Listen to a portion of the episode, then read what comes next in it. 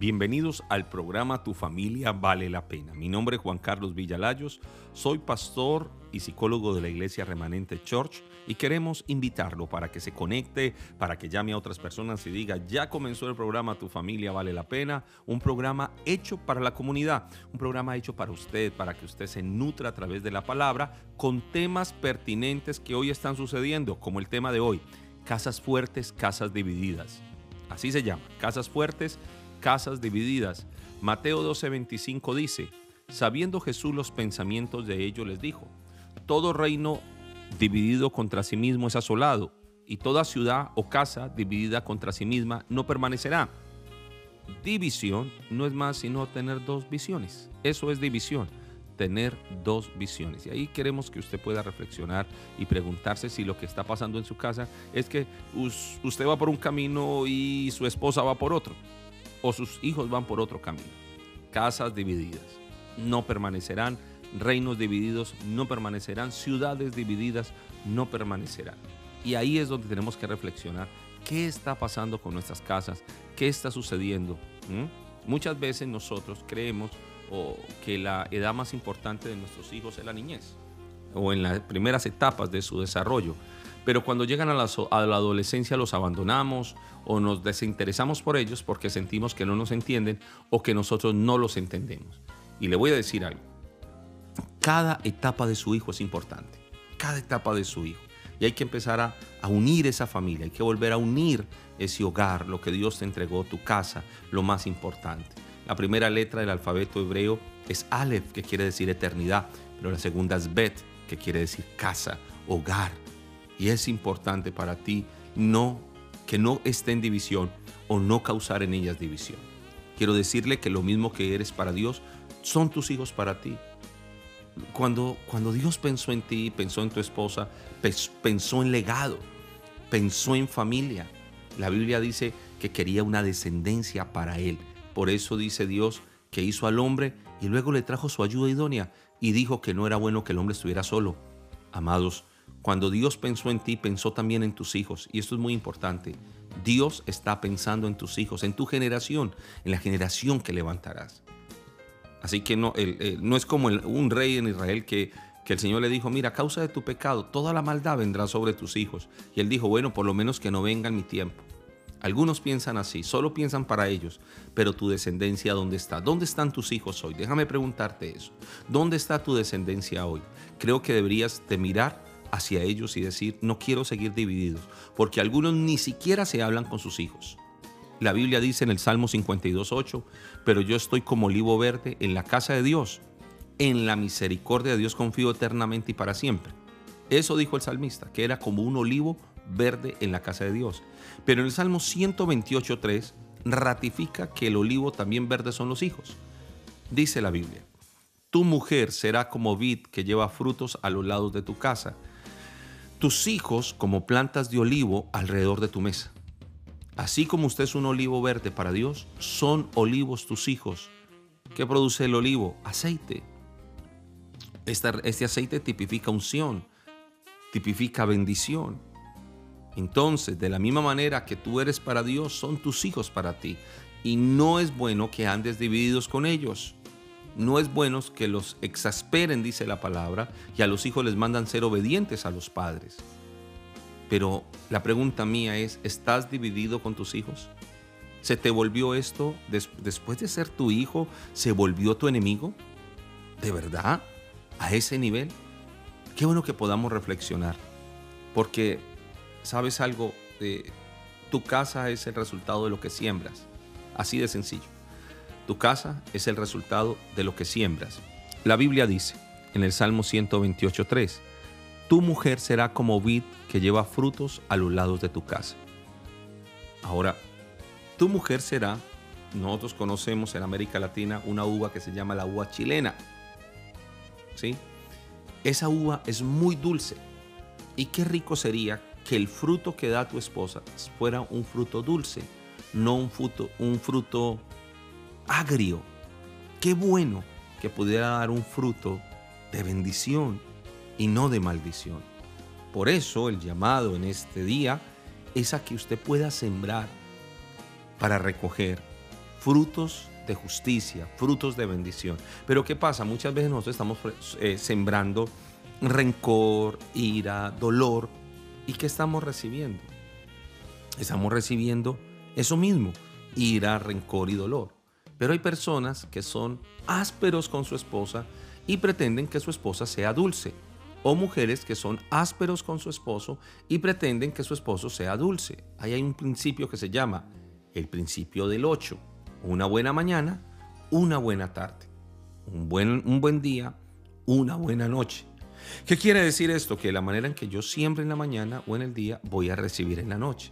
Pero muchas personas tratan con aspereza a su pareja y luego en la noche quieren una vida íntima saludable. Nadie va a tener una vida íntima saludable con una persona que trató en el día de una manera dolosa, de una manera eh, con sátiras, sarcástica, tal vez a su pareja y le hirió. Y ya en la noche quiere estar con ella muy difícil.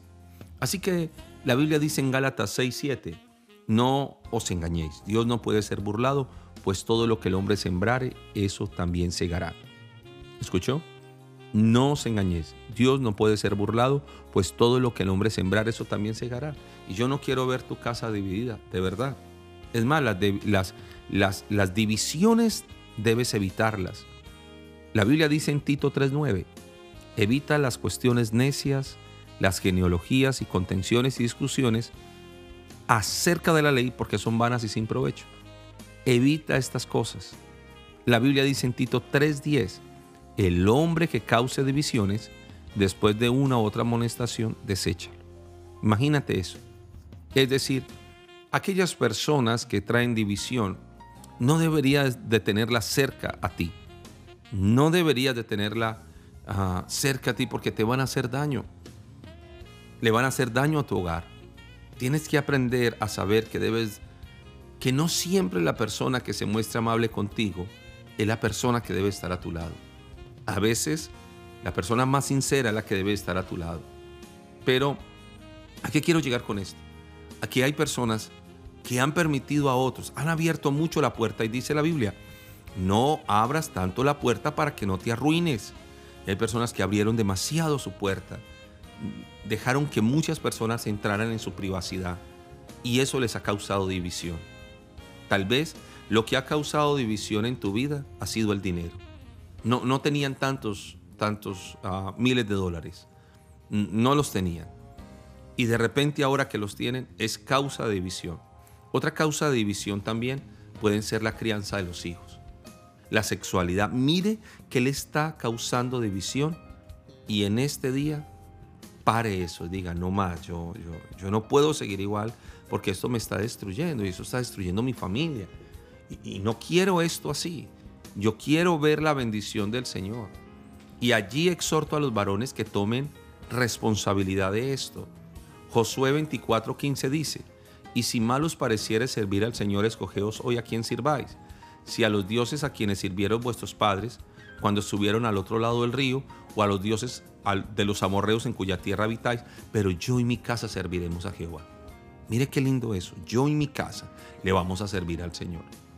Yo invito para que no hayan dos visiones en casa, haya una visión. Y la visión se construye hablando las cosas. La visión se construye, no se cambia. La, la visión se alimenta. La visión debe ser la misma.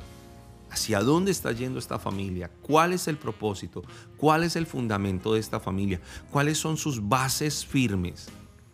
La visión se construye en oración, no en egoísmo. La visión se construye en confianza. Que el uno al otro puedan dar la espalda y puedan construir. La Biblia dice y habla esto en Jeremías 2.13. Porque dos males ha hecho mi pueblo, me dejaron a mi fuente de agua viva y cavaron para sí cisternas, cisternas rotas que no retienen agua. Si te alejas de Dios, va a haber división en tu casa. Algunas personas creyeron que alejándose de Dios les iba a ir bien y eso no funciona así, porque el fundamento de tu casa es Dios, el fundamento de tu vida es Dios. La Biblia dice en el Salmo 118:15, voz de júbilo y salvación hay en la casa de los justos, la diestra del Señor hace proezas voz de júbilo y de salvación. Usted es el que trae alegría a su casa. Usted es el que trae salvación a su casa. De parte del Señor. No te alejes de Dios. Tal vez ahí mientras estás conduciendo, Dios te está hablando. Ahí mientras estás cocinando, Dios te está hablando. O estás ahí en reposo. ¿Qué te está diciendo Dios? Pilas, porque se han causado divisiones en tu hogar. Porque la madre ya no le habla a la hija, el hijo al padre. El padre no se habla con la madre. ¿A dónde van a llegar? ¿Qué va a suceder con esto entonces? Es necesario replantear y hacer una reingeniería a nivel de tu hogar y decirle, Señor, perdónanos por haber permitido que las divisiones entraran en nuestra vida. Una de las cosas que más daño hace es el silencio o la indiferencia, porque no hablan, saben el problema que tienen, pero no hablan, saben de las crisis que sus hijos están viviendo, no hablan, no expresan, no dicen, y el daño que se hacen es impresionante. Por eso en este día es tiempo de reconstruir tu casa, fundamentar tu casa sobre la roca, que tu casa esté en Dios, que tu casa sea transformada, que vuelvan al Señor. La Biblia dice, vuelven amistad con Dios y por ello te vendrá bien. Toma ahora la ley de su boca y pon sus, sus, palabras en tu corazón. Si te volvieres al omnipotente serás edificado y alejarás de tu tienda la aflicción. El Todopoderoso será tu defensa y tendrás dinero en abundancia. Eso no es el problema. El tema es que busques primero al Señor y esa prioridad de quitar esa división que hay. Tal vez la división ha sido fruto de un resentimiento, tu esposa hizo un comentario que no te gustó, tu esposo hizo un comentario que no te gustó y a partir de ahí se causó una división. Porque nos volvemos tan tan sensibles, diría yo, hipersensibilidad. Cualquier cosa nos afecta, cualquier comentario nos afecta. Y ya queremos dejar ministerio, ya, queremos dejar llamado, ya queremos dejar propósito. ¿Qué pasa? Ya que ya le decimos a nuestros hijos, hagan lo que quieran. Eso nunca se le dice a un joven. Al contrario, hay que atraerlos, hay que, hay que hacer familia con ellos. Por favor, hagan familia. No quiero más divisiones en nuestra familia. Romanos 16, 17 habla y dice, mas os ruego hermanos que os fijéis en los que causan divisiones y tropiezos contra los principios que vosotros habéis aprendido y que, y que os apartéis de ellos. Porque tales personas no sirven a nuestro Señor, sino a sus propios vientres. Sus suaves palabras y lisonjan engañan los corazones de los ingenuos. Personas que tienen hoy batallas muy significativas, muy fuertes con las divisiones. Quiero que te aprendas a apartar del chismoso, del contencioso, del que causa división. No participe, no lo escuches, porque esa persona te hará daño, porque esa persona es envidiosa, porque esa persona llega muy amable a tu vida. Ay, tan linda, tan querida, tan querido. Mentira, lo que quieren es destruir. No quiero decir que las personas cariñosas sean realmente personas perversas que causen divisiones, pero hay personas con un espíritu de, división que sí quieren causar daño. Cuando, cuando alguien se acerque a tu vida para hablarte mal de otra persona, ten cuidado, porque tal vez también hablará mal de ti. Porque el que se atreve hablar mal de otra persona o de su esposa o de sus hijos, también hablarán mal de ti. Y eso me preocupa, que hablen mal de ti, que te dañen, que te destruyan. No me gusta no me gusta y a partir de allí pare eso y diga, no más, no más, yo no, yo no quiero esto en mi vida, yo no quiero personas que destruyan, yo quiero personas que construyan conmigo. Recuerda que el que no construye, destruye. Y la idea es construir en el nombre de Jesucristo. Quiero orar en este momento y quiero pedirle al Señor que todo lo que está dividiendo tu familia sea echado fuera en el nombre de Jesús. Padre, yo oro por cada persona que en, esta, este día me escucha, en este momento, y le dice, Señor, no quiero más división con mi esposa ni mis hijos.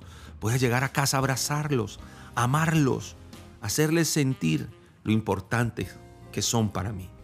Te doy gracias, Señor, porque sanas mi vida, me vuelvo a ti, vuelvo a la iglesia, vuelvo a congregarme, vuelvo a estar allí en familia, en Cristo.